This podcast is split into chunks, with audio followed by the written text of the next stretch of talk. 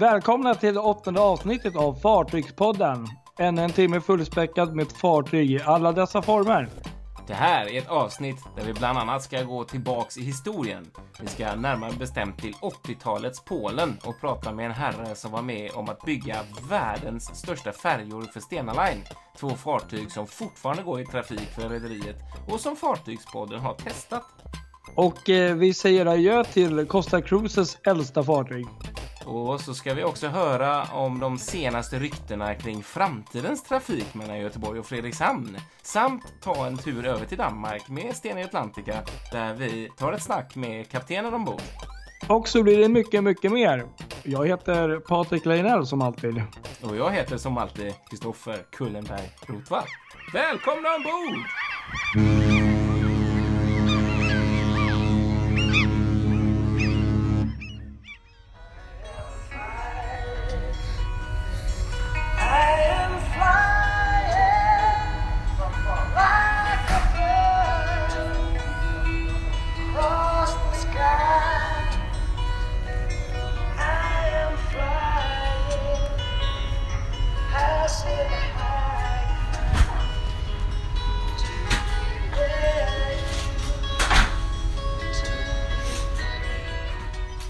Ja du, vad, vad, vad kan det här vara för sång då Patrik? Mm. Ja, det är nästan IG om vi inte hade kunnat det. Ja. Ehm, det är ju Rod Stewarts eh, gamla hit I am sailing. Det är ju det, det var en ganska lätt nöt att knäcka. Eh, vi gör det lite svårare. Kan du gissa var den här spelas någonstans då? Exakt just den här versionen, var spelas den? Ja du. Ehm, svårare, ja. Mm, ja, vi får nästan lyssna lite till på klippet här. Det kommer igen.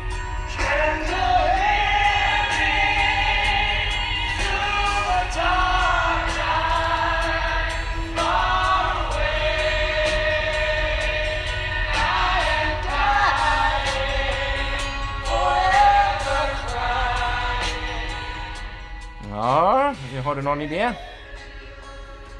Mm, nej. Nej, nej, det är för svårt. Jag, jag förstår det. Den kan ju spela. Det är ju ingen skillnad på den här och någon annan version av I am sailing. Så att det hade varit fantastiskt om Ja, okej. knäckt detta måste jag säga.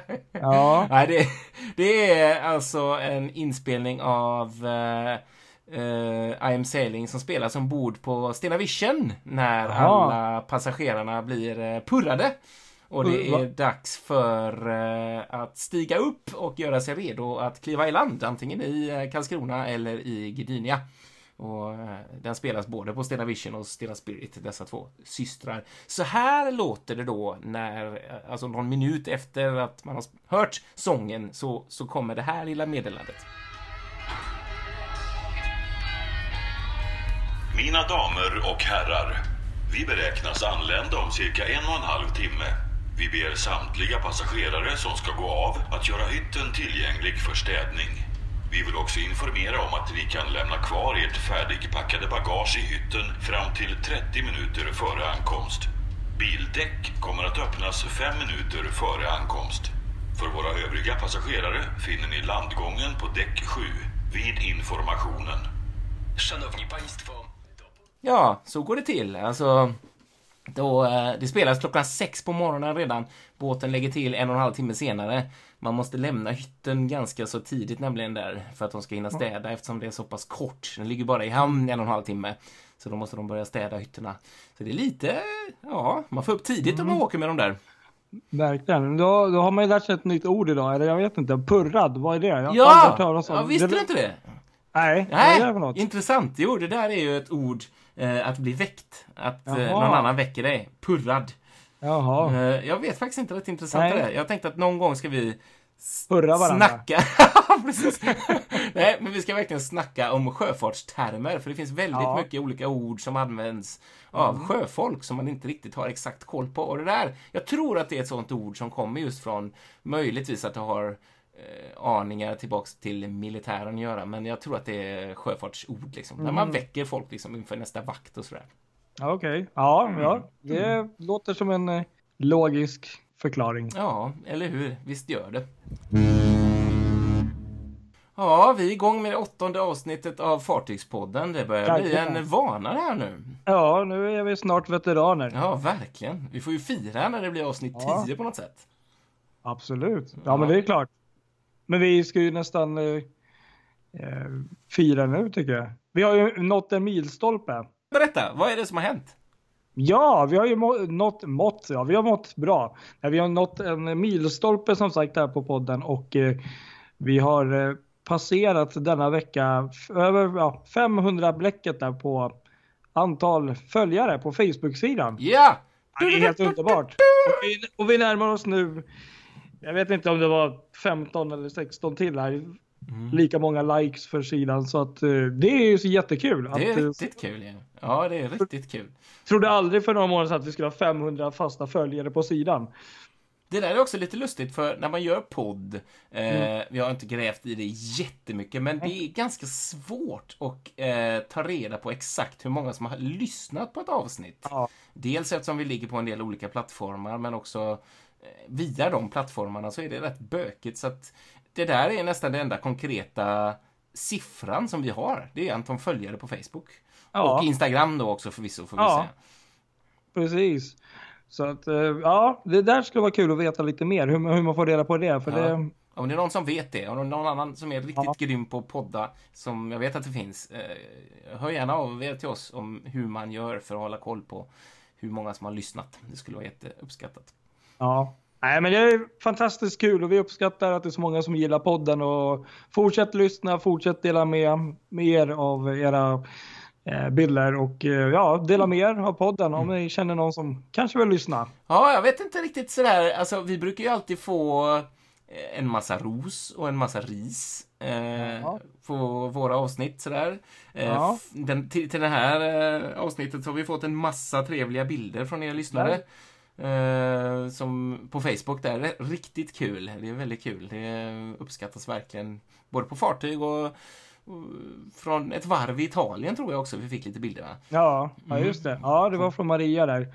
Ehm, nej, men det är jätteroligt att eh, ni engagerar er och att vi får eh, ta del av lite material. Och eh, har vi inte lagt upp något än så kommer det säkert längre fram så att eh, vi läser och ser allt. Mm. Mm, nej, jag tänkte säga att vi, vi, eh, vi har inte fått någon ris den här gången. Det brukar Nej. alltid vara någonting som någon har eh, att klaga på, men denna gång har vi inte fått något. Jag vet inte hur vi ska tolka det. Har vi blivit Ja. så jävla bra? Jag tror att det är det plus att folk har semester och, Ja, har inte lyssnat på podden. Ingen har lyssnat på oss. så måste det vara. nej, jag tror, nej, men det kanske var, det var ett väldigt bra avsnitt förra gången. Ja. Så att, ehm, Det var det. men eh, du, jag kommer ju faktiskt på en sak. Vi har ju fått lite ris. Har vi det alltså? Ja, Aha. Du, jag tror att eh, skrev inte du någonting, något inlägg eller något liknande där du skrev vägg? Just det, på Facebook. heter ja. inte vägg. Gud, jag skrev, jag kallade, jag kallade fartygsväggen för vägg. Ja, det, Det är ju som att gå in i väggen.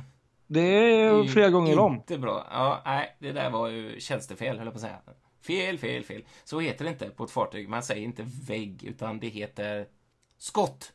Så är det. Mm. Ja, vi lär oss. Vi lär oss varje dag. Det är, så är det. Vi skulle kunna skylla på och säga att vi försöker att göra en mix av eh, ett språk som inte är för eh, insyltat, innördigt, inbitet bland bara sjöfolk för att det ska kunna vara lite intressant även för de som inte har varit till sjöss så mycket. Det skulle man kunna försvara sig med. Ja, men det, vi kör på det. Jag tycker det. Nej, men det är jättekul. Ni får säga till. Det är bra. Men Men just därför jag tycker också att det här är så intressant. Vi återkommer till det. Eh, vi måste ta upp det här ämnet kring språk till sjöss för att jag tycker det är väldigt intressant. För det finns väldigt Ja. mycket termer och mycket ord som används på fartyg och som även uttryck och sånt där som även har smittat av sig på det vardagliga språket. Eh, I kölvattnet till exempel. Det är ju något som alla Ja, säger hela tiden. Det har ju kommit från sjöfart och Mm. eh, ja, det är massa sådana ord. Men det, det är ett annat, ett annan, ett annat Vi- avsnitt. det blir poddavsnitt 22. Ja, det blir det. Precis. Ja, som sagt, vi har ett fullspäckat avsnitt. Det är lika bra att vi kickar igång. Jag tänkte mjuka upp oss lite med en liten anekdot som är lite kul här. Vi har ju snackat i ett antal avsnitt nu om Boaty McBoatface. Ja! Ja, det är nästan som en eh, följetong. Det var alltså det här eh, brittiska forskningsfartyget eh, där man utlyste en, eh, en namntävling på nätet. Och där namnet Boaty McBoatface gick och vann. Eh, det, fartyget skulle heta så. Varpå då myndigheten tyckte inte riktigt att det var eh, så seriöst. Nej. Så fartyget fick ju då namnet ställ- istället efter den eh, mycket eh, berömda eh, BBC-personligheten eh, David Attenborough. Eh, men namnet McBoaty, eh, Boaty McBoatface har levt kvar som en liten som en internetskröna, ett internet, internetmem. Eh, och nu har världens blickar, blickar riktats mot Sverige och eh, tågbolaget MTR som har roffat åt sig detta i en eh, genialisk eh, PR-kupp måste man säga. De ska döpa några av sina tåg till olika namn och har anordnat en namntävling på nätet också då. Var på namnet Trainee McTrainface självklart plockar hem segern i ett av de tåg som ska döpas Underbart. till hösten här i Göteborg. Så Ja. någon gång under hösten så ska vi såklart vara med och bevaka detta eftersom det tangerar detta roliga namn som vi har pratat så mycket om. Trainee McTrainface alltså. En trumvirvel för det. ja, det var ju faktiskt väldigt kul och speciellt också att eh, P&O Cruises gick ut och sa att eh, det namnet inte var Ja, det var inte aktuellt. Precis, Nej. de har ju också en namntävling Ja. där och det var bara att glömma Precis, det. den är avklarad nu. Men, Ja. men, men vi vet inte vilket som har vunnit. Men eh, ja, det är kul. Den kommer upp hela tiden. Det är väldigt roligt, ja. Verkligen riktigt Ja, kul. kanske det podden får heta sen. Ja, faktiskt. Precis. Poddy McPodface. Ja, Ja. det tycker jag. Ja, vi ska säga hej då till ett av Kostas äldsta fartyg nu.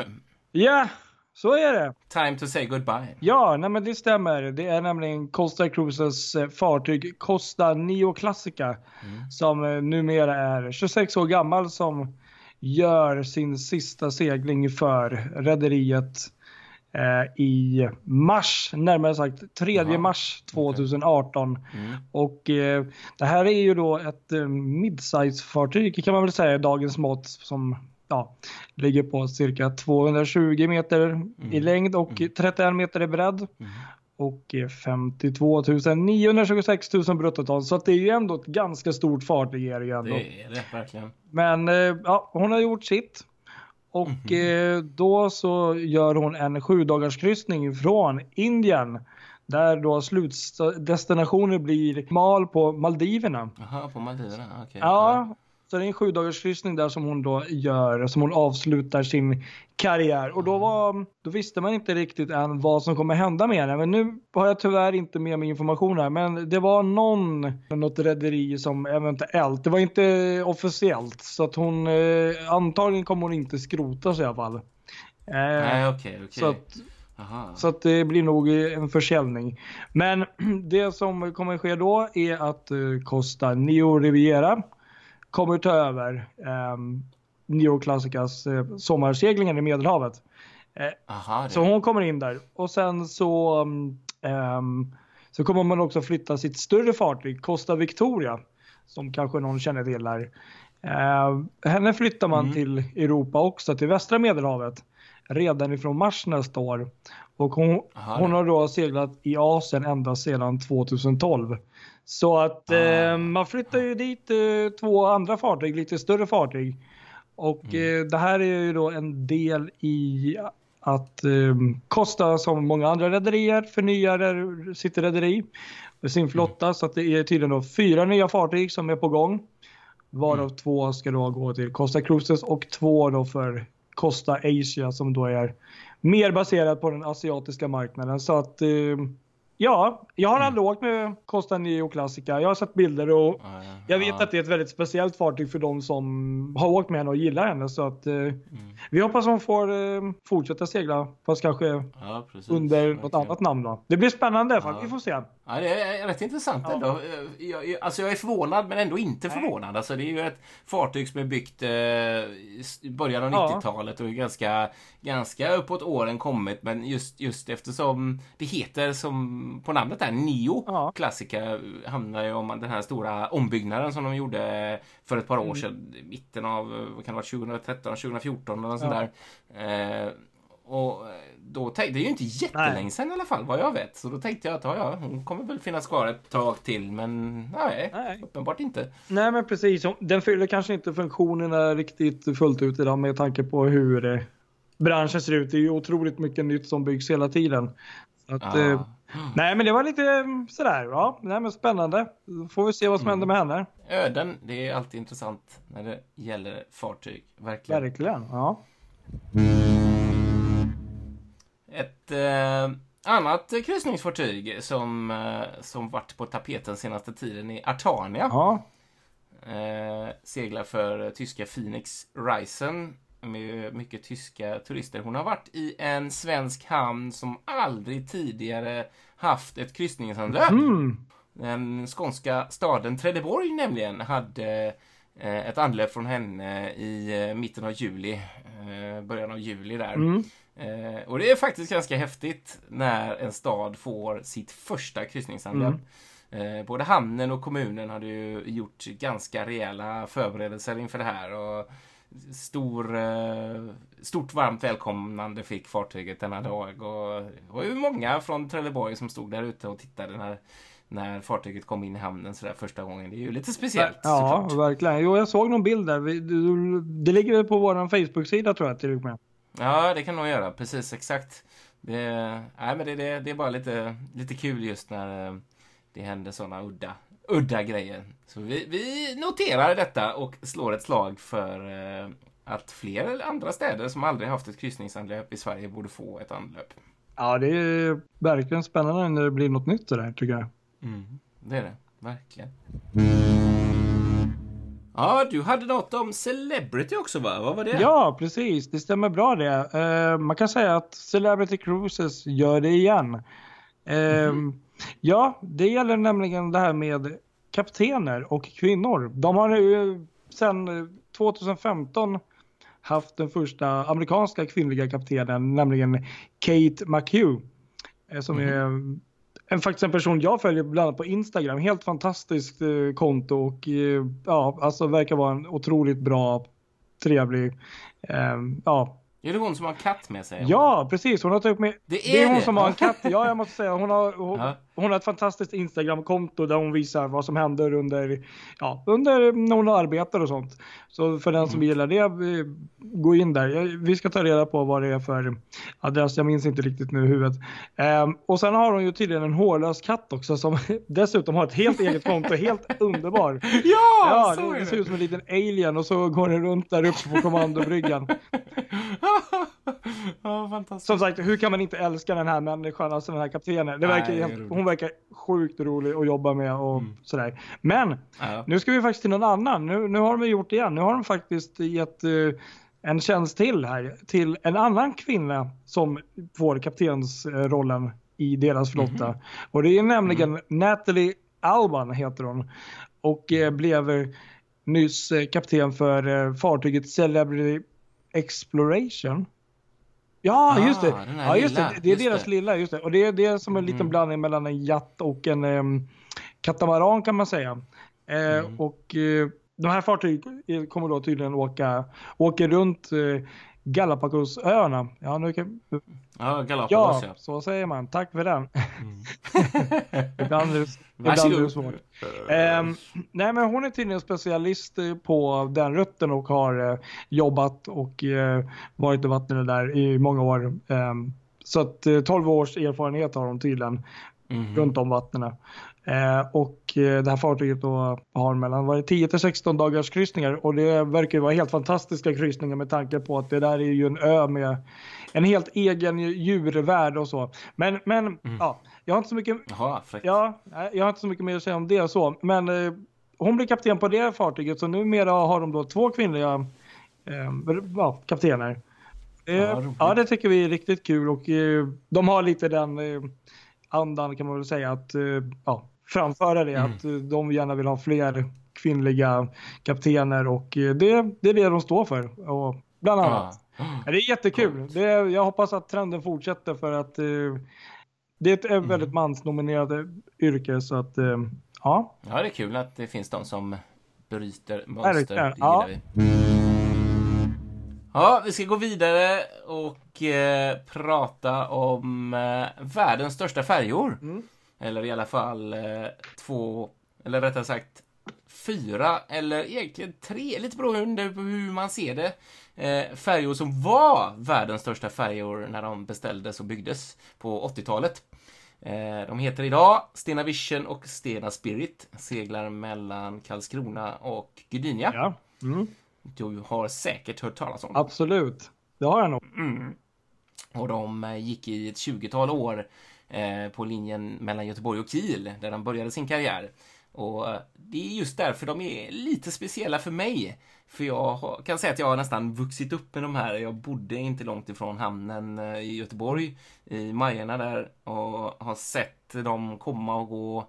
Och jag vet när jag var liten sådär, eh, så cyklade jag ner till Tysklandsterminalen och stod och tittade när de lastade och körde ombord eh, eh, lastbilar och bilar och människor som skulle ut på semester körde iväg och jag stod där och drömde vid staketet och tittade när de stängde rampen och körde iväg och nej, det var, jag kunde stå i hur länge som helst och flera kvällar i rad liksom. Det var det bästa jag visste. Ja, det förstår jag. Hur gammal var du när du fick åka dem första gången? Eller någon av? Ja, det där är kul Mm. faktiskt också, för det var Stena Scandinavica, eh, den som sen, som nu är Stena Spirit. Eh, det var, mm, alltså vad ska jag säga, det var inte den första färjan jag Nej. åkte med, men det var den första färjan som jag åkte med efter att ha blivit såld på färjor, om du Ja, fattar ja, ja. Jag var totalt i gaset när jag var kanske ja, något tiotal år, 10, Mm. 11. Och eh, jag och eh, mamma skulle åka till Danmark, Mm. till Fredrikshamn på en dagstur. Och det var min första sån här riktiga, eh, ja nästan min första riktiga, ut, jag hade varit i Tyskland lite grann sådär, men det var min första riktiga utlandsresa, så lite Mm. äldre. Eh, och eh, jag minns när jag jag tyckte var, jag hade ett album med massa båtbilder som jag fått av min pappa. Eh, som hade massa vykort på Stena-fartyg och jag, jag älskar ju Stena då, det var det bästa jag visste. Eh, och då satt jag där och bläddrade och kollade, försökte lista ut vilka båtar det var vi skulle åka med. Okej. Och då var det en av dem som hette Stena Scandinavica just och, och då ehm, trodde jag att det var antingen var den som var föregångaren eller den här då. Det visste jag inte riktigt. Så det såg jag först när jag kom fram till hamnen då. Och då var det den här jättebåten och jag minns verkligen hur kul jag tyckte det var att gå omkring och upptäcka fartyget och gå i alla gångar och se hur det såg ut. Och jag var så besviken när vi kom fram till Fredrikshamn för det tog så kort tid. Jag hann liksom inte riktigt utforska överallt. Jag tyckte det gick så himla fort liksom. Så ja, ett, ett eh, kärt minne för mig, det är det verkligen de här. Och det har liksom blivit att man har tagit dem till sitt hjärta. Inte minst eftersom de har gått i Göteborg Mm. så himla länge. Så det har blivit, och de har ju legat eftersom de går alltid på kvällen och kommer på morgonen så har de blivit en del av stans silhuett liksom. Som har ju sett dem Precis. när man kört över Älvsborgsbron så ligger de nere i Majorna där. Jag tror väl att jag har väl sett någon av dem. Vi åkte väl till med... Vi åkte Ja, med, ja precis. vi Vi åkte med? med, ja undrar om inte det var Skandinavica Mm. också. Vi åkte precis för de gjorde ju sådana turer över till Danmark på dagen under högsäsongen och då åkte du och jag någon av de sista turerna som det. hon gjorde där tror jag. Det var ju väldigt fint fartyg kommer jag ihåg. Det var ju Mm. lite större än Danica och lite, ja men lite kändes det. Det var ju lite den Mm. här större, lite mer eh, kryssningskänsla var det. Det Verkligen. var ett fint fartyg. Sen går det ju inte att jämföra med Symphony och Nej, Sunwave men- de här som går till Finland. Men med, med ja, våra mått mätt så var det ju ändå... Jag tycker det var väldigt trevligt ändå. Mm, verkligen, verkligen. Sen har de ju under årets lopp har de ju renoverat Mm. dem på massa sätt och byggt massa snygga. Jag älskar den här Riva Bar, bland Mm. annat en bar som är byggd som en gammal fin båt i trä. Just det, men den tror jag fanns väl ombord när vi... Ja, gjorde den. Det Jag gjorde tyckte den. faktiskt att det, inredningen var väldigt trevlig på dem. Mm, det är den, måste jag säga. Måste jag säga. Eh, och de här båtarna Mm. då, när de bytte trav, när de lämnade Göteborg Kiel 2010-2011 Mm. så fräschades de upp ganska rejält vid Cityvarvet här i Göteborg. Byggdes spaanläggning bland annat i Fören eh, på de båda då. Och eh, nu då har jag varit iväg och testat dem bägge två Mhm. under en Mm. resa i somras här till Polen. Eh, och det var väldigt kul, men det, det, det var för kort tid måste jag säga Mhm. återigen som man var ombord. För att de går klockan nio på kvällen och är framme 07.30. Och Oj. eh, ja, när man har barn Ja. som jag har också så var det liksom bara att gå ombord, natta barnen, ta en kvällstur, titta omkring och sen så fick man gå och lägga sig och så försöka gå upp så tidigt som möjligt för att se lite mer av fartyget då. Eh, Men, men jag måste säga, även om det går, när man går omkring så känner man att det luktar lite rök Mm. och lite mattor och sådär som kanske borde bytas och eh, lite skavanker här och var men de känns fräscha och Ja, jag tycker de, de håller verkligen stilen på den linjen, det måste jag säga. Det kan jag tänka Och mig. jag fullständigt älskar, och vi har pratat om däck tidigare Mm. och soldäck och sådär på fartyg, så älskar jag de här så himla bra för du kommer runt nästan överallt. Du kan inte stå längst fram i fören förvisso, men det finns däck så du kan stå högt upp och se förut. Och du, eh, det finns massa däck så du kan stå i akten liksom i massa olika våningar och du kan gå på sidorna precis som du vill och upp och ner och massa ställen att gå på. Som en liten labyrint. Det är väldigt Ja, roligt. verkligen. Ja, du la upp en helt fantastisk bild där när ni lämnade, var det Landskrona sa du? Nej, Karlskrona. Karlskrona, ja. Vi är helt andra, jag vet inte var jag är någonstans. Andra kusten. Jajamensan, det spelar ingen roll. Du var någonstans och det gick bra. Ja, Nej, men det, det, var det var en fantastisk bild där på skorstenen och den här regnhimlen som hade just passerat. Mm. Ja, precis. Mm. Just det, exakt. Det var magisk Verkligen, ja, då. Det verkligen. Så eh, borde vi, jag älskar ju faktiskt man får slå ett slag för Stenas eh, lite dyrare hytter, Mm. de här eh, panoramaglashytterna.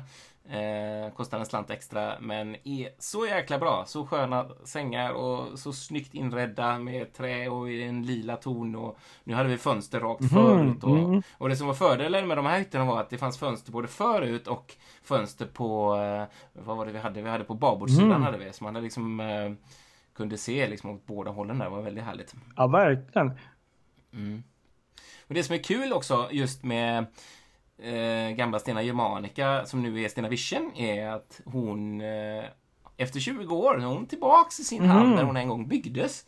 För hon byggdes i Gdynia. Eh, Skandinavica eh, byggdes i Gdansk Okej. då, för de, de byggdes vid båda de här varven Ja. då, eller det var ju samma varv där. Och det är lite kul för jag tänkte vi skulle gräva lite djupare i detta eh, bygge av de här två, eller rättare sagt fyra systrarna då. För det var tänkt att det skulle bli fyra fartyg. Eh, men så blev det bara två, för det strulade till sig lite om man säger Okej. så. Eh, Stena fick leverans av två stycken. En, de andra två blev eh, cancellerade. Eh, varav den tredje hade de kommit så pass långt på att skrovet blev färdigställt och eh, boxerades till Grekland Ja, just det. Det är den som är där nere. Ja. ja, och den numera går som, eh, jag har också svårt med uttal här, men El, Elfelterios Venizelios Ja, okej. eh, heter den. Och eh, Den har du inte åkt? För... Nej, Nej. det har jag inte. Och det där är också Mm. med tanke på hur viktiga, hur mycket, Mm. mycket de här två systrarna som går, gått för Stena eller går för Stena betyder för Mm. mig under min uppväxt. Så är det där en av mina drömfartyg att få se någon gång och åka med. Och jag har aldrig gjort det. Så att, eh, ja, någon Ja. gång, någon gång innan den Precis. försvinner så måste jag ha sett den. Så är det bara. Den, den fjärde systern då, den eh, blev ett skrov eh, som boxerades ner till Grekland. Blev liggande som något eh, projekt som skulle bli ett kryssningsfartyg men som aldrig blev det.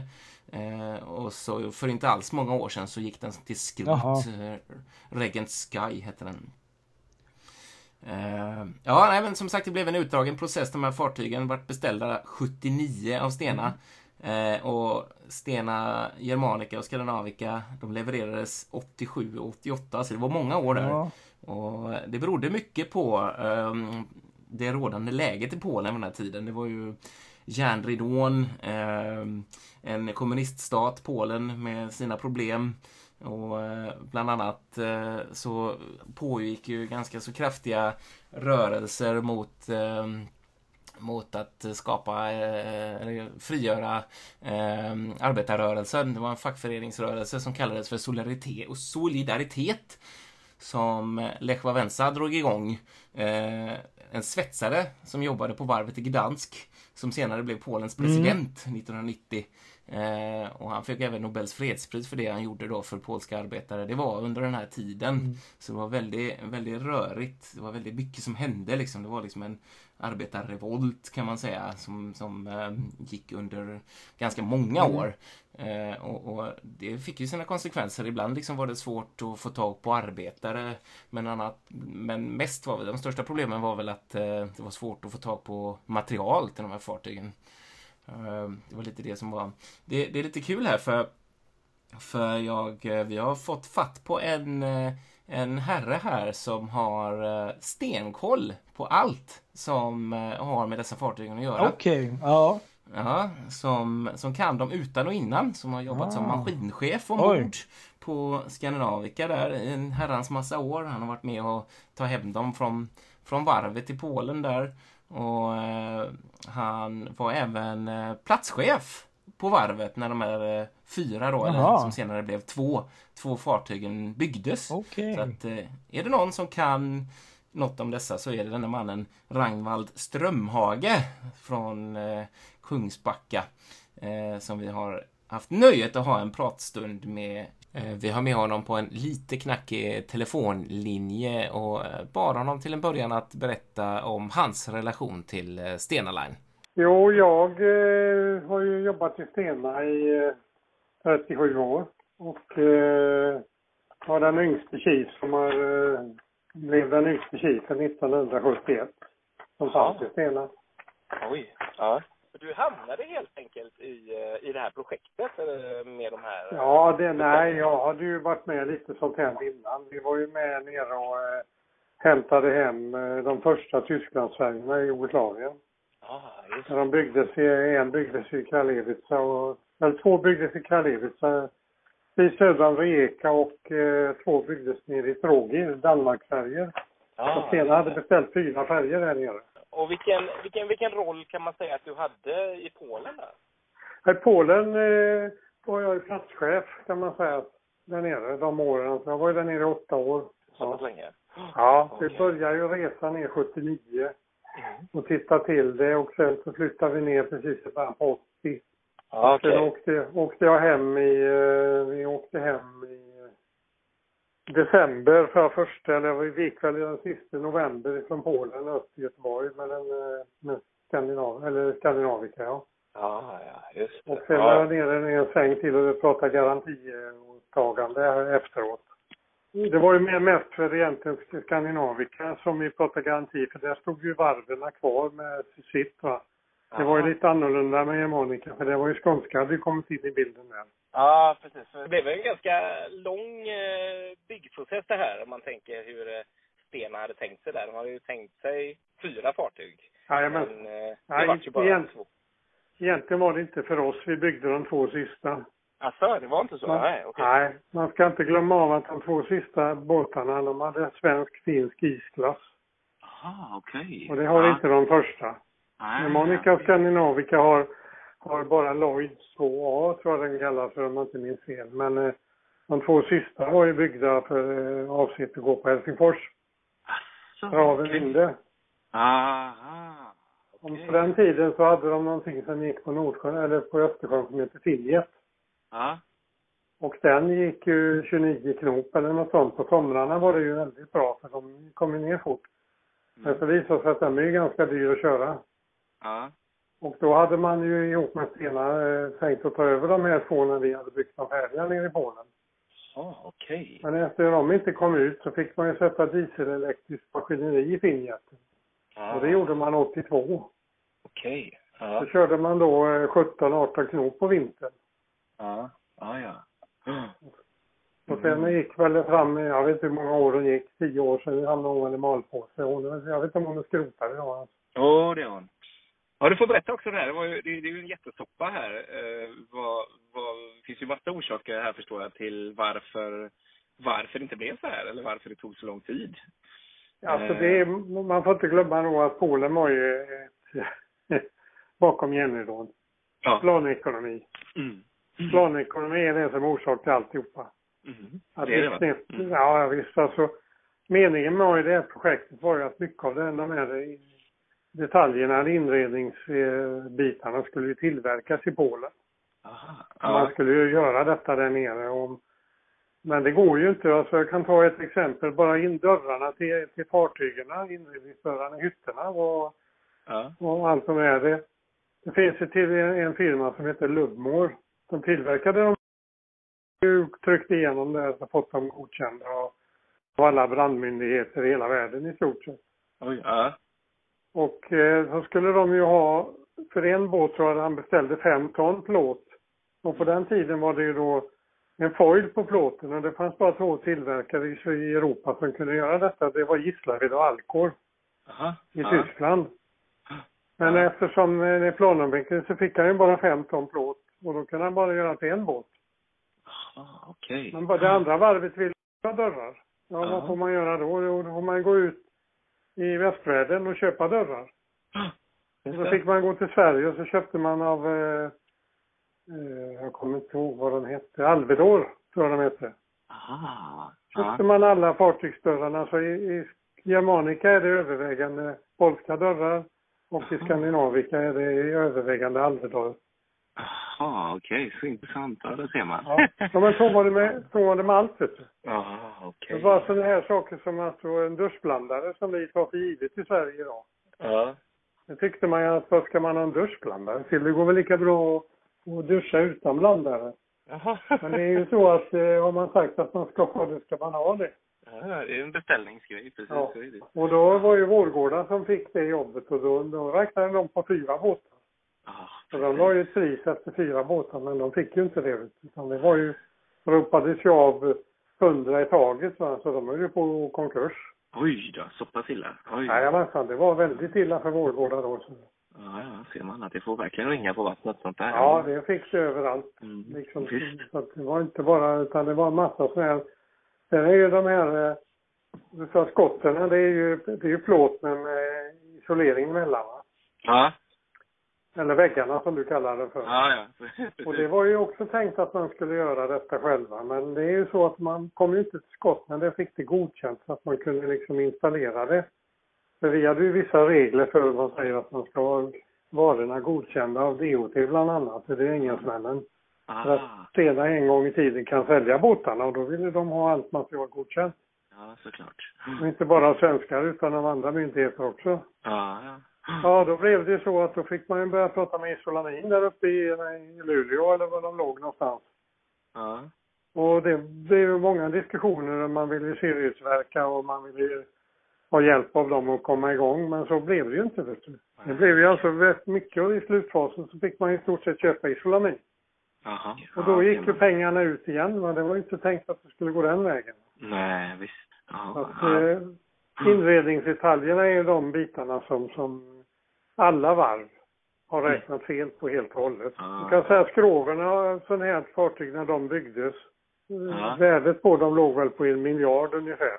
Ja. Du kan säga att 18-20 procent är då maskineri, skrov, vinschar, eh, sådär eh, livbåtar, allt sånt där, yttre hängdäck och ramper och vajrar och hydrauler. Ja. Det representerar cirka 20 procent av totalvärdet.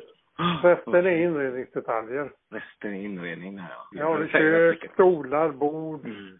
Mm. hytter, Mm. kojor, allt, allt, allt. Precis, Det är ja. mycket sånt. Och det var ju där det stöp på det. Ja, det var där det stöp då. Jaha, okej. Pengar. De har inte Mm. pengar att importera och de har inte pe- kom aldrig igång med egna. För planekonomin gjorde det att de hade inte de pengarna för att komma igång. Vad jag förstod det så fanns det inga, fanns det inga ar- polska arbetare på varvet den här tiden. Jo, jajamensan. Det var Det inga gjorde problem. Gdyniavarvet fanns 5 000 Jaha, och okej. Gdanskvarvet tror jag var 12, eh, 7 000 på. Jaha, ja, så det var inte det utan det var... Nej, men det var, det var problem att få tag i folk som kunde montera inredning.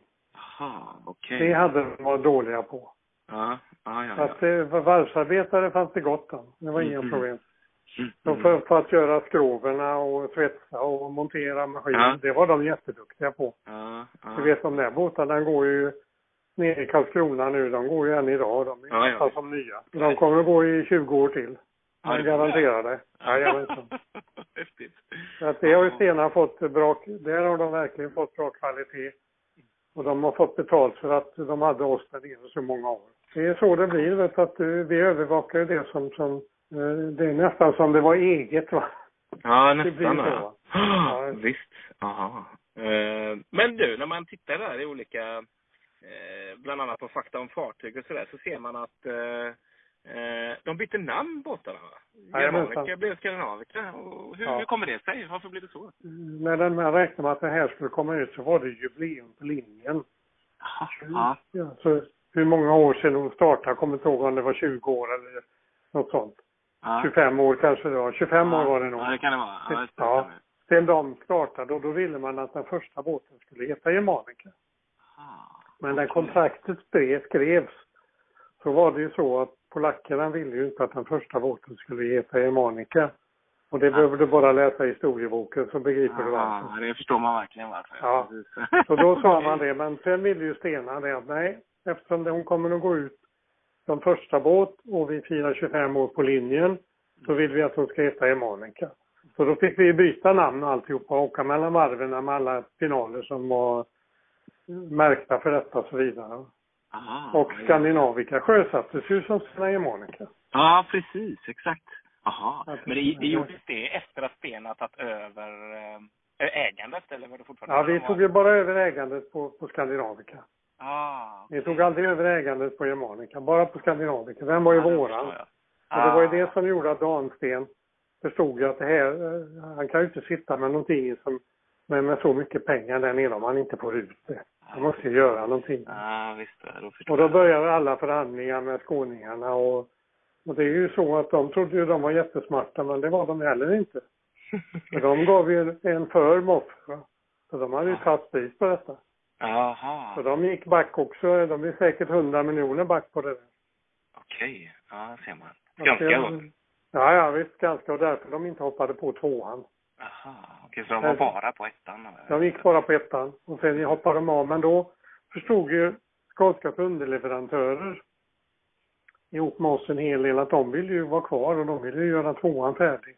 Mm. Så då förhandlades det fram ett kontrakt med varvet där borta. Att varvet tog allt det här utanför. Så delade man av fartyget så att inredningen tog Skånskas underleverantörer. De gick över till Granskvarvet. Och så stängde man av båten.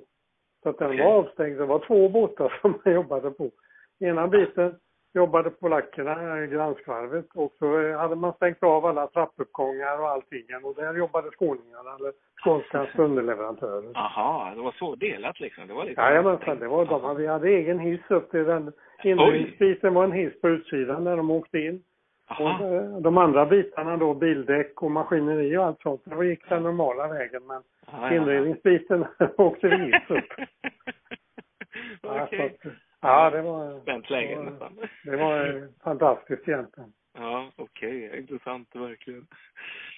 Eh, men, men det här tredje fartyget som ju då eh, också blev ett fartyg så att säga. Ja, ja, Det jajamensan. finns ute eh, i Grekland där för Annec Lines. Var, när, innan hon blev eller hur gick det till när hon liksom blev avslutad eller bortkastad från Stena så att säga? Ja, vi hade ju en diskussion, jag, jag hade en lång diskussion med Dansten om hur mycket material som fanns kvar i Polen för att bygga dem färdiga. Ja. För att han var inte intresserad av att eh, lämna över det här till Skånska på det sättet. ja. Och jag sa till honom att de här två båtarna, de sista, det finns inget material framme överhuvudtaget i Polen. För inredningen. Maskineriet och sånt är inga problem, där finns allting. Men för inredningsmässigt så finns ingenting och det kanske man får räkna med kanske 600-800 miljoner. Som måste plockas fram på ett eller annat sätt för att få igång dem. Mm. Och då hade säkert Finland tröttnat också så att det fanns nog ingen sådär given eh, användare av dem. Ja. Du vet, svensk finns isklass, alltså Mm. det är mycket. De hade ju, man kan säga mellan spanterna på de två första tror jag det var 700 och de sista två var det 350. Jaha, du. Det lär för över och tjockleken på plåt tror jag på ettan och tvåan är väl eh, framme i bulben eh, 25 millimeter men de här två var det 35 millimeter. Oj då. Ja, Ja det blir ju så när du går upp i isklassen också. Ja, Du går uppe på Helsingfors. Ah, Visst, det krävs ju då ju. Och det, Ja. det, så, det är, så det är väldigt bra att ha i Medelhavet idag. Mm, ja. det har man Och inte det ser du på, du ser det på, eh, på fakta om fartyg för där finns hästkraftsantalet är olika i dem därför att de har Aha. finsk isklass. Ja, det är därför Och det- då, ja. Men det, för det, men då bestämde ni helt enkelt att det Ja, då så bestämde de sig att eh, det är ingen idé att vänta på detta för det, det kommer alltså att svida i skinnet att ha dem. Och det fanns ingen given köpare till dem heller. Nej. Och då är det ju så, det är ju ett affärsdrivande företag så att det var helt okej. ja. Så att han bestämde sig att vi cancellerar dem och det sa jag, det är helt säkert att göra det. Det Mm. finns ingen anledning. Och trean, fyran låg ju på bädden då. Så hon var ju sammansatt va, men när vi cancellerade så skar de ju ner henne och la henne ut i hamnen. Och Ja. så när grekerna köpte hennes skrovet så satte de ihop det och så satte de in 40 meter i henne också. Ah, de gjorde det. Och de satte in en, sek- en sektion till. Ja. Men de fick köpa henne utan maskiner. Det fanns inga Ja. maskiner i dem när de drog dem ner till Grekland. Så de köpte grek maskiner där nere. Rättele Ja, ja. tror jag de köpte där nere och satte i henne. Men det Ja. blev inget med det heller. Vet du. Nej, det blev ju inte det. Nej, den blev ju liggande där i åratal. Hon låg där i många år och sen Ja. drog de henne upp till Turkiet och skar ner. Så. Ja, precis. Jo, det stämmer. Exakt. Red, Sky eller något sånt där heter den väl? Ja, jag vet inte. Mm. Aha, ja. Men den här eh, som sen nu som numera går för Annex där då. Eh, har du haft någon liksom kontakt med, med, med dem? Har de hört av sig till dig ändå? Nej, de kom upp till Stena och fick gå igenom en hel del av våra ritningar. De åkte med oss på Skandinavika i en eller två månader och vi gick igenom våra ritningsunderlag och tittade hur vi hade gjort det. Sen tror jag det kom en hel del norrmän som, som offererade, ville åka med där och Ja. ville att vi skulle tala om. Men då tog jag kontakt med ledningen i Stena och sa att det är inte okej att vi sitter och talar om för dem hur de ska göra och inte göra och så vidare. Det får de ta reda på själva. Så de Ja, fick gå i land sen. Aha. ja, Och jag tror att eh, grekerna fick sitta på kontoret någon månad också och titta i ritningar. Ah, Men sen okej. så fick de klara sig själva.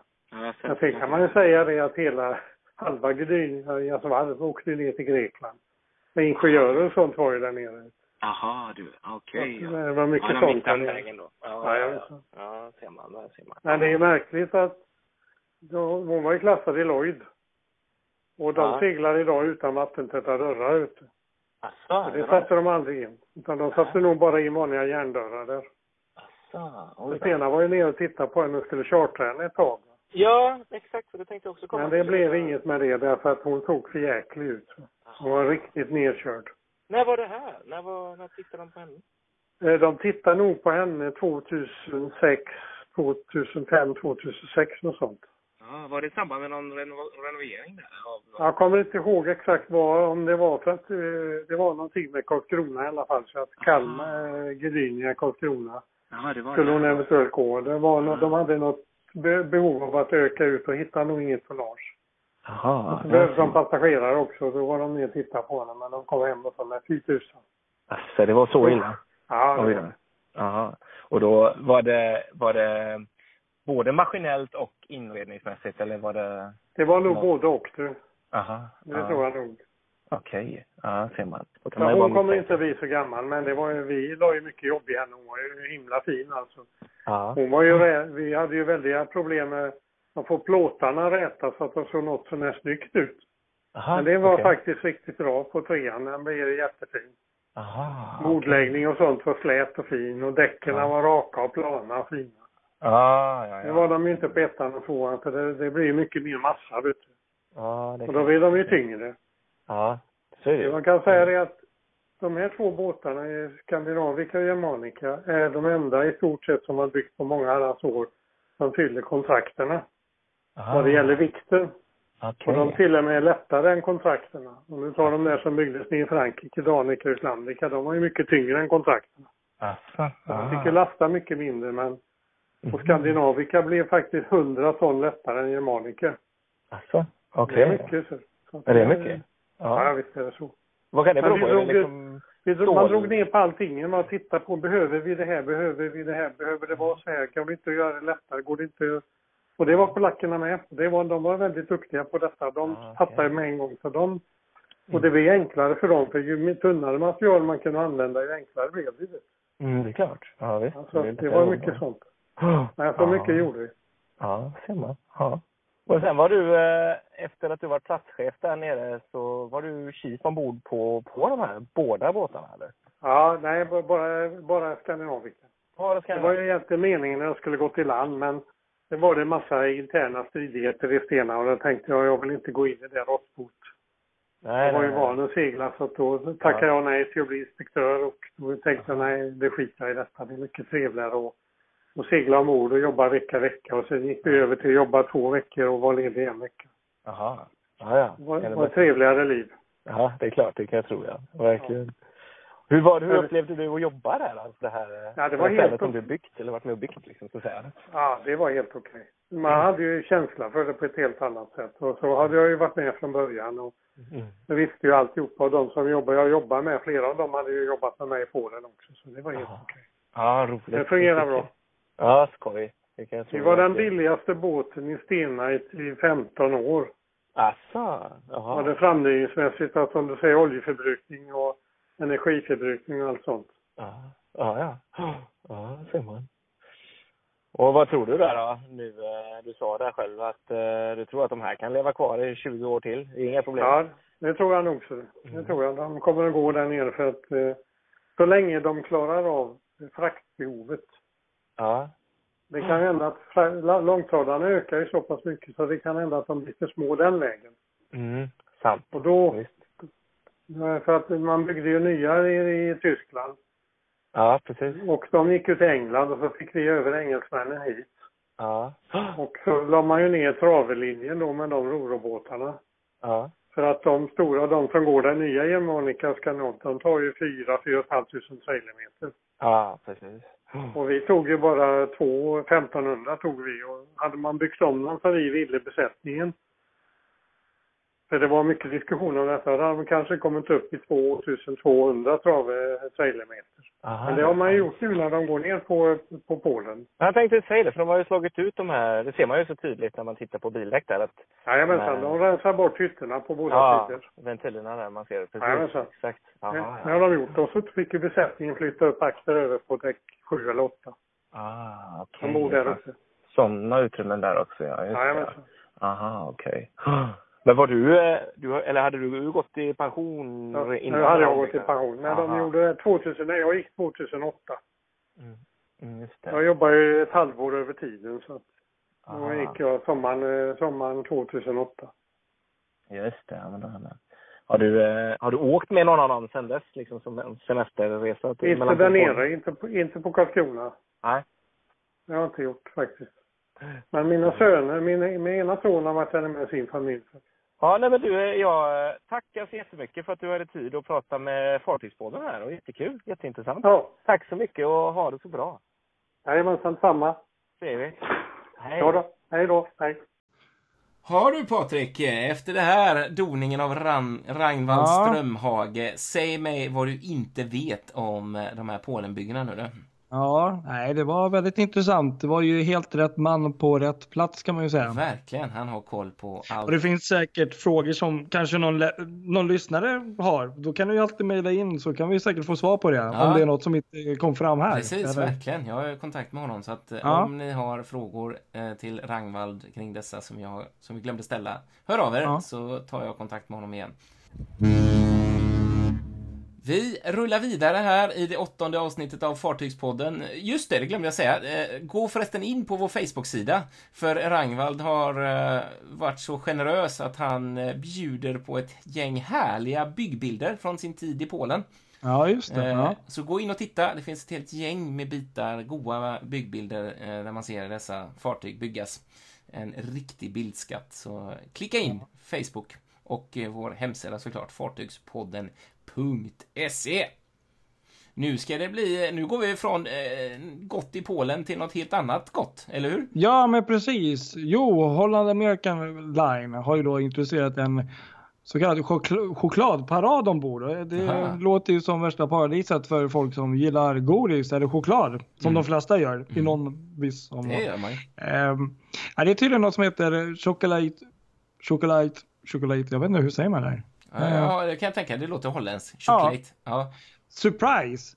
Det är alltså då, det är ett event då som man då håller då tydligen efter sista den här galakvällen som man har ombord på varje kryssning. Mm. Och då så dukar man nämligen upp då sådana här bord längst med eh, promenaddäcket utomhus då. Aha. Och så fyller man då fat och hela vägen där då med en massa olika typer av choklad som de då har, eh, alltså praliner och tänker allt möjligt. Så har man som en liten choklad efterfest då efter den här um, um, den sista galamiddagen ombord på varje kryssning. Eh, och det har tydligen blivit ett väldigt populärt eh, inslag. Så att, nej, jag tyckte det lät faktiskt lite roligt att eh, Jaha, efter okej. det här ha en eh, chokladfest ute på däck. Verkligen. Ja. Läckert. Ja, lite Ja, faktiskt. Ja. Så för er som gillar choklad, Holland American Lime, ja. boka. Exakt! Precis. Ja, varför inte? Gott, gott, gott, gott, gott, som man säger i Karlshamn. ja. Precis. Ja, vad säger du? Ska vi ta en tripp till Danmark apropå dejligt och gott, gott, gott, gott? Ja, ja Mm. nu åker vi. Det gör vi, närmare bestämt med Stena Atlantica. Ett fartyg som är den eh, tredje i ordningen att bära det här namnet och eh, som gått på linjen Göteborg-Fredrikshamn sedan 96. Det är också en liten rolig anekdot från när jag var ung eh, och var en tok Stena-fanatiker. Jag minns ytterst när Stena gick ut med nyheten och berättade att de skulle beställa ett nytt fartyg till Göteborg-Fredrikshamn som skulle få namnet Stena Atlantica. Och så såg man en liten skiss på hur den här skulle se ut då.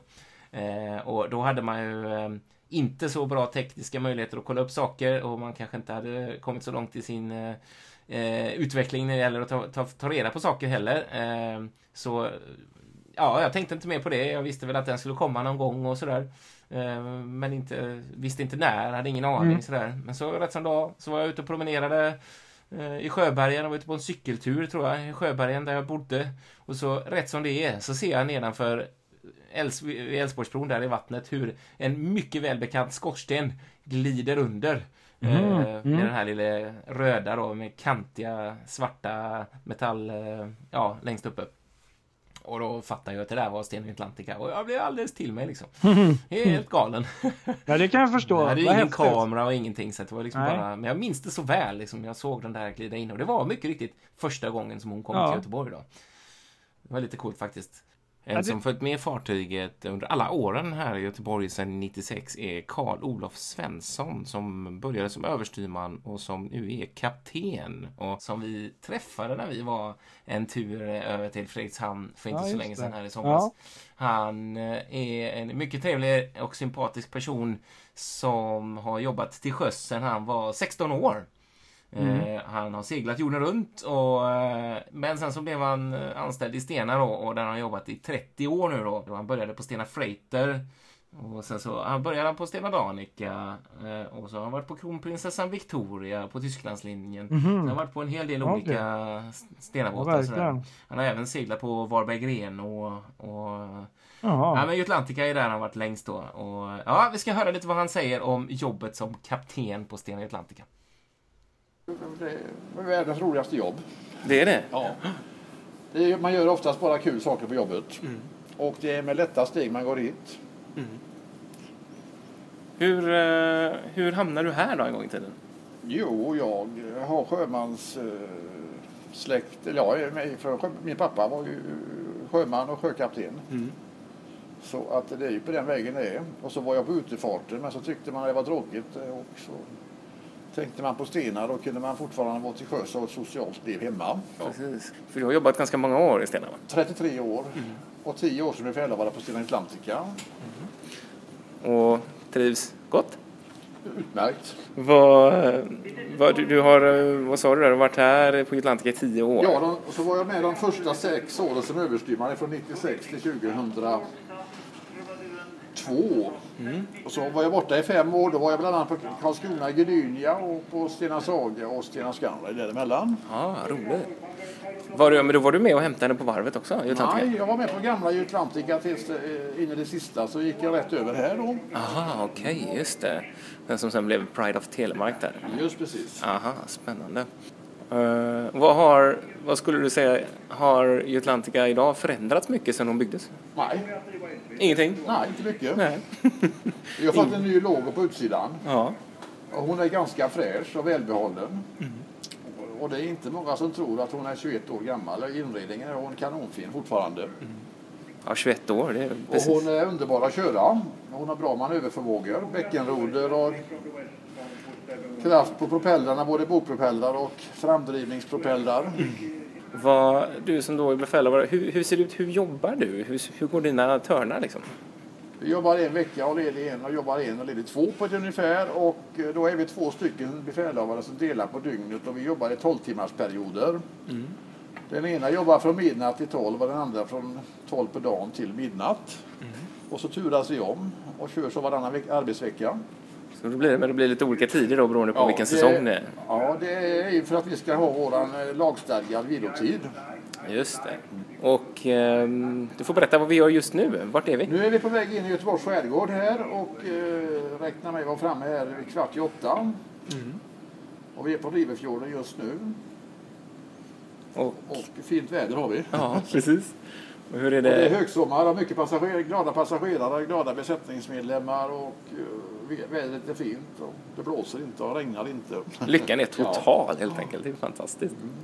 Och det är inte så mycket. Vi hade en Maersk som gick förbi här precis. Ja, och så ut. möter vi Bohuslän snart. Ja, just det. Ja. Precis. Hon ska ut på en eh, onsdagskryss. Aha, ja. De brukar köra där varje onsdag på en kvällskryssning i skärgården. Festligt värre. Du, eh, vi från Fartygspodden här, vi tackar så mycket för besöket. Ja, tack. Det var trevligt att ha det här.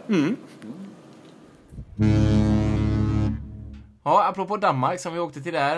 eh, Det, det händer grejer inom Stena. Det är mycket Stena i podden här idag. Ja, det är Stena spe- special. Ja, det är verkligen Stena Ja. special. Det är verkligen. Stena special. Det, det, Ja, men det är kul. Ja. Nej, det, vi ska flytta oss lite söderut här till, till Varberg. Eh, mellan Varberg och Grenå går en färja som heter Stena Nautica. Ja. i Trafik för Stena. Eh, Stena Line har eh, snackat en del med Varbergs kommun kring eh, hamnen och framtiden där. Och eh, Varberg de vill bygga i området kring hamnen vilket gör att det inte finns möjlighet för Stena att finnas kvar så pass centralt som de gör. Eh, Då skulle de behöva flytta på sig och det tyckte inte Stena var så kul så att nu har de börjat fundera på att flytta hela sin verksamhet till Halmstad istället. Jaha. Oj. Ja, och det, det Ja. blir ju ett bakslag för Varberg såklart, men ett Verkligen. jättelyft för Halmstad. Och eh, en, Mm. eh, vad ska man säga, ett återtagande av en linje från Halmstad till Grenå som fanns på innan, innan det blev Stena Line. In- Det fanns ett rederi som hette Lion Ferries som gick i trafik Just det. Ja, men det kommer jag ihåg. Eh, gula och blåa logga där. Ehm, och så nu verkar det som att eh, Halmstad får trafik till Danmark igen. Det är ju riktigt kul. De pratar om att det ska bli Ja. en stor region. Man vill bygga en... Man vill eh, samverka med de eh, danska och eh, svenska kommunerna och regionerna där och skapa en ny dansk-svensk region. De ska Okej. bygga eh, en ny handelsväg här över och, då räcker det ju inte med en båt. Utan då vill Nej. man ju ha två båtar. Ah. Och det är här som det börjar bli riktigt intressant om man är Ja. fartygsintresserad som vi är. Eh, två båtar, man har ju Stena Nautica, eh, Ja. men då behöver de en till. Mhm. Och då snackas det om att någon av båtarna som går mellan Göteborg och Fredrikshamn idag eh, Ja. kan vara aktuell att flytta ner. Okej. Eh, och Först så tänker man ju då på Stena Gotica som är den här lastbåten som går. Skulle de ju kunna Ja. flytta ner. Men då är ju frågan om det verkligen är så de tänkte. Jag vet inte riktigt om de vill ha så mycket frakt på det sättet. Ja, jag vet inte. Det kan ju hända då att det Mm. blir eh, Jutlantica möjligen. Eh, man vet inte. Och då, för att det är nämligen ett rykte som surrar om att det, för att det händer ju grejer när det gäller Stena på andra fronter. Just på, på, på Irländska sjön. Stena har ju beställt ett helt gäng med båtar som ska gå i trafik där eh, på Irländska sjön och som ska ersätta bland annat Stena Superfast 7 och 8. Ja. Eh, som de köpte loss från Tallink. Så då blir de lediga där och då är ju frågan om de två möjligen inte skulle passa perfekt mellan Göteborg och Fredrikshamn. Jag tycker att eh, det är klart att de gör det. det. Det låter som att Kristoffer har löst problemet. Stenar, kör ner. Precis. Nej men det är, det är intressant som du säger. Det är ju verkligen eh, någonting att ha ögonen på och eh, Ja, det är det. det, är det. när det sker så får vi ju vara där helt Ja, enkelt. nej, för att just eh, Eh, kapacitetsmässigt, eh, fartmässigt och alla de här egenskaperna. Det skulle vara två fartyg som skulle kunna Mm. passa perfekt på den linjen. Skulle jag, det är många som tror det. Eh, och eh, ja, vad, vad, då blir det också intressant vad som händer med Danica till exempel. Hon är ganska uppåt åren kommen, byggd 83. Ja, hon, eh, det sägs att hon ska kunna gå länge än, men eh, ja, det, Mm. ja, vem vet, vem vet vad de tänker här. Är det, Det verkar hända väldigt mycket spännande. Men Ja. när eh, skulle det här ske? Alltså om det, det, här, blir... det första steget är ju då de två färgerna från Halmstad Ja. och då är det ju 2019 man pratar om. Så tidigt? Så, ja, så pass tidigt är det. Sen så de här byggena från Kina till Irländska sjön, jag har att det var Mm. ännu längre fram. Eh, rätta mig där någon om jag har fel, men jag tror det var 2020 eller sånt där. Så det är ju alltid en viss fördröjning på sådana här flottomflyttningar.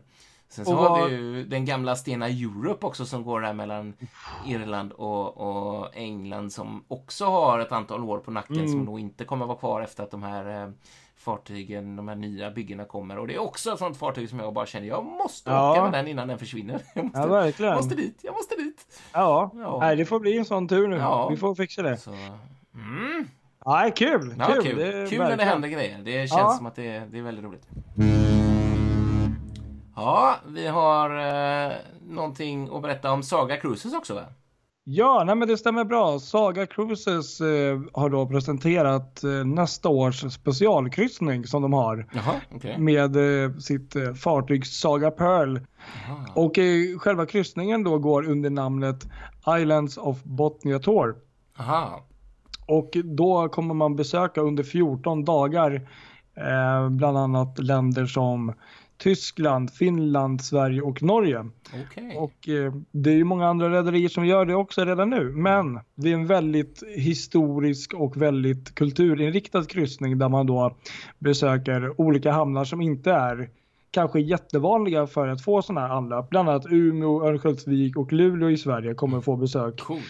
Ja, det, jag tycker det är faktiskt riktigt kul. Och sen att man liksom nästan gräver lite mer in i det kulturella och eh, det är väldigt många historiska resor och eh, bland annat eh, ehm, ja, som man kommer göra utflykter till. Jag, jag ser faktiskt bland annat här att eh, eh, fartyget kommer då utgå, alltså, eller avgå menar jag, eh, från Dover 5 juni 2018. Mm. Eh, och i och med det så finns det tydligen också någon resa eller någon typ av eh, utflykt till eh, ett ställe bland annat eh, som har någon typ av eh, koppling till Dunkirk, den här jättestora filmen. och, Ah, eh, fräckt. ja, Mm. Så det är sådana där grejer, så det, det låter verkligen eh, intressant tycker jag. Det är kul när de gör lite sådär speciella kryssningar som kanske har en viss inriktning. Så det här, Mm. Ja, alltså jag tycker det var värt att eh, nämna. Så, Där har ju de här rederierna, lite mindre rederierna, Ja. de som har lite mindre fartyg sådär. De har ju jäkla fördel på det sättet att de kan planera ofta kanske lite längre kryssningar till lite Ja. andra udda destinationer eh, där inte de allra största går. För alltså ärligt talat, en kryssning i Baltikum som går eh, från Köpenhamn till exempel till Stockholm, Mm. Tallinn, Helsingfors och Sankt Petersburg och möjligen något ställe till. Det, det är ju skitkul men när man har gjort det, då har man gjort det. Då, då Mm. ska man åka till de resmålen igen, då gör man nog kanske inte riktigt det med kryssning. Men en sån här resa där du verkligen får se städer som man kanske inte åker till annars. Mm. Det, är ju, det är ju verkligen kryssning på riktigt skulle jag säga. Verkligen, och sen att det är mindre fartyg, det kommer ju in på de här ställena och jag menar eh, Höga Kusten, ja det skulle ju vara en dröm. Ja men Alltså, verkligen, alltså det ska ju upplevas från sjön Ja. egentligen. Det är ju Ja. fantastiskt. Nu, nu har ju i och för sig lite reklam här, Birka har ju gjort den här Ja, Höga ja, Kusten. I och för sig. Men, men, det är ändå kul att de går in på sådana ställen som inte är så vanliga. Mm, Men, men det, var, det var ett väldigt roligt tema tycker jag. Ja. Spännande. Så Ja. att det var Mm. värt att nämna här i podden. Verkligen värt att nämna. Precis, exakt. Lite kul att du nämner just eh, Saga Pearl där. Eh, Ja. Systern till henne heter Astor. Och seglar för eh, ett rederi som heter Cruise and Maritime Voyages. Eh, ett Okej. brittiskt rederi. De, eh, det fartyget Astor där hade nämligen äran att bli det sista fartyget, med största sannolikhet i alla fall, skulle säga, det sista fartyget som anlöpte kryssningsterminalen i Frihamnen i Göteborg. Okej, ja. Och det skedde här den 11 augusti, fredagen den 11 augusti det här beror på att hamnen har bestämt sig för att rusta upp terminalen vid Amerikakajen. Så det Okej. är inte så att man liksom motar bort alla kryssningsfartyg från Göteborg utan det är snarare att man har man dirigerar om det och det beror på att Frihamnen det är ett sånt område där det ska byggas jättemycket framöver. Det finns jättemycket byggplaner och då finns det inte riktigt plats för en kryssningsterminal där. Så då har man valt att eh, satsa på Amerikakajen där istället. Så då får det konsekvensen att man kan inte se kryssningsfartyg längre. Till exempel från Stenpiren eller från Göta älvbron där. Om Nej. inte de ska vidare norrut kanske, men då är det ofta väldigt, väldigt små båtar. Eh, En säkert- eh, fråga här, Ja, fråga på. för någon som inte är så insatt i den göteborgska hamnen. Mm. Amerika Just det. hamnen. Ja. Var ligger den? Den ligger vid, nästan precis vid Stena Danmarksterminalen där vid Stigbergstorget. Eh, mitt emellan Stena Danmarkster- Dan- Danmarksterminalen och Fiskhamnen. Okej, Där. Där finns en kaj. okej, Precis. där ja. Och det var ju Mm. den kajen där, eh, det är faktiskt ganska historiskt intressant kaj för att det var ju därifrån alla de stora Amerika och Ja. ångarna gick. Precis. Eh, och det var där alla stod med sina vita näsdukar och vinkade Mm. när eh, Stockholm och Kungsholm och Gripsholm och alla de där lämnade Göteborg. Det måste Så- varit mäktigt Ja, så att det är ju en perfekt, alltså man tänker just att komma till eh, en sån kaj, det är ju verkligen historiens vingslag. Om de liksom Mm. kan få till det här på ett snyggt sätt liksom och använda den här historien eh, så kan det bli hur bra som helst tror jag. Ja, nej, men det håller jag med om. Ja, men jag tror faktiskt det kan bli något bra. Sen så har vi ju det problemet i Göteborg som vi alltid har, eh, Älvsborgsbron. Alltså det här är ju en kaj som inte de allra största fartygen kommer kunna lägga sig vid utan de får ju ligga Mm. vid Arendal eller i värsta fall Skandiahamnen, de allra, allra största. Mm. Men eh, de här typ Aidiakara och Astor och alla de här lite mindre båtarna, de kan ju ligga vid den här nya. Och jag läste någon siffra någonstans att redan nu så fanns det ett 17-tal fartyg inbokade för den här nya terminalen nästa säsong. Okej. Så, Oj. eh, det är ändå kul ju. Och Ja, verkligen. Ska man komma ihåg att ytterligare finns ett gäng fartyg som kommer att ligga ute i Arendal då liksom. Så att det, vi hoppas på nästa säsong. Det låter väldigt positivt. Mm. Kul! Jättekul. Riktigt kul. Nu ska vi ta något annat eh, som är ganska positivt. Eller hur? Ja, jo men det tycker jag nog. Ja. Ja, nej men så här är det. Att eh, Högsta domstolen i Bermuda Mhm. Har nu beslutat och eh, möjliggjort att giftermål mellan samkönade personer Mm. är tillåtet. Gött. Inte Och en då- dag för sent. Ja, vi lever 2017, herregud. Gifta Exakt. med vem du vill så Ja. länge det är på bådas villkor. Ehm, och det här innebär ju en, några saker, bland annat för kryssningsfartygen också. Mm. Det är nämligen så att ehm, Carnival Corporation Mm. Har ju gått ut och eh, sagt nu att eh, P&O Cruises, Cunard och Princess Cruises är några av bolagen som kommer nu tillåta giftermål med samkönade personer. Härligt. Ja, ja. Och då är det nämligen så att det är de fartygen som är registrerade i Bermuda Mm. som då dessa giftermål kommer då kunna genomföras. Mm. Bland annat P&O Cruises fartyg Britannia Aha. som inte är där att registrerade i Bermuda. Där kommer man inte kunna genomföra de här typen av bröllop. Okej. Tyvärr. Nej. Men det finns massor med andra fartyg. Eh, och eh, tydligen så är redan det första bröllopet inbokat och det är på fartyget Azura. Jaha du. Och-. Så att, eh, jag tycker ändå, det är 2017, Ja, det människor måste få välja. Och det här tycker jag är, är ett ändå ett positivt steg och Mm. eh, ja, det kommer säkert bli fler som kommer ta efter det här. Men Precis, verkligen.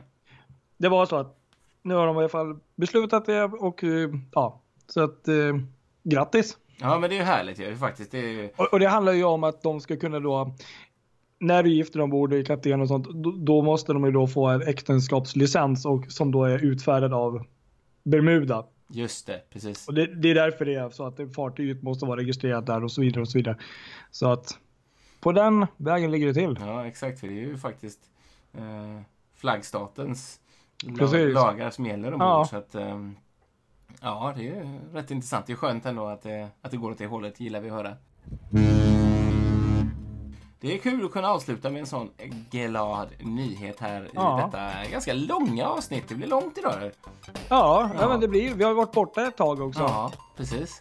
Fast vi har varit ändå väldigt duktiga på att uppdatera tycker jag. Ja. Både Instagram och Facebook. Exakt, det är ju det. Vi är ju ofta ute och ser mycket båtar och sådär. Och Mm. då är ju det lätt att kunna lägga ut en liten bild på sociala medier.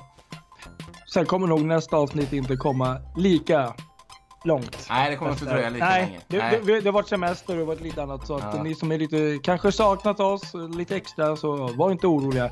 Vi är tillbaka redan nästa vecka. Nej, kanske inte riktigt så, men 14 dagar Ja, ungefär. sånt, ja. Man vet aldrig. Livet kommer emellan. Det är barn, det är grejer hela tiden. Man ska ju hinna med det också. Det är lite Mm. pinsamt. Men eh, vi kommer när vi kommer, som vi brukar säga. Det, Mm. ja. ja du Patrik, Ja, Kristoffer. tack för detta. Alltid lika Det- trevligt som vanligt. Ja, och som sagt, hör av er, skriv, mejla. Ros och ris. Verkligen. Ja, Ja. ni Ja. får ha det så bra. Och så sov gott. Ja. Eller god morgon. God morgon eller sov gott. Eller eh, god lunch, god middag. Vad det nu är. Vad som helst. Wherever you are. Good night.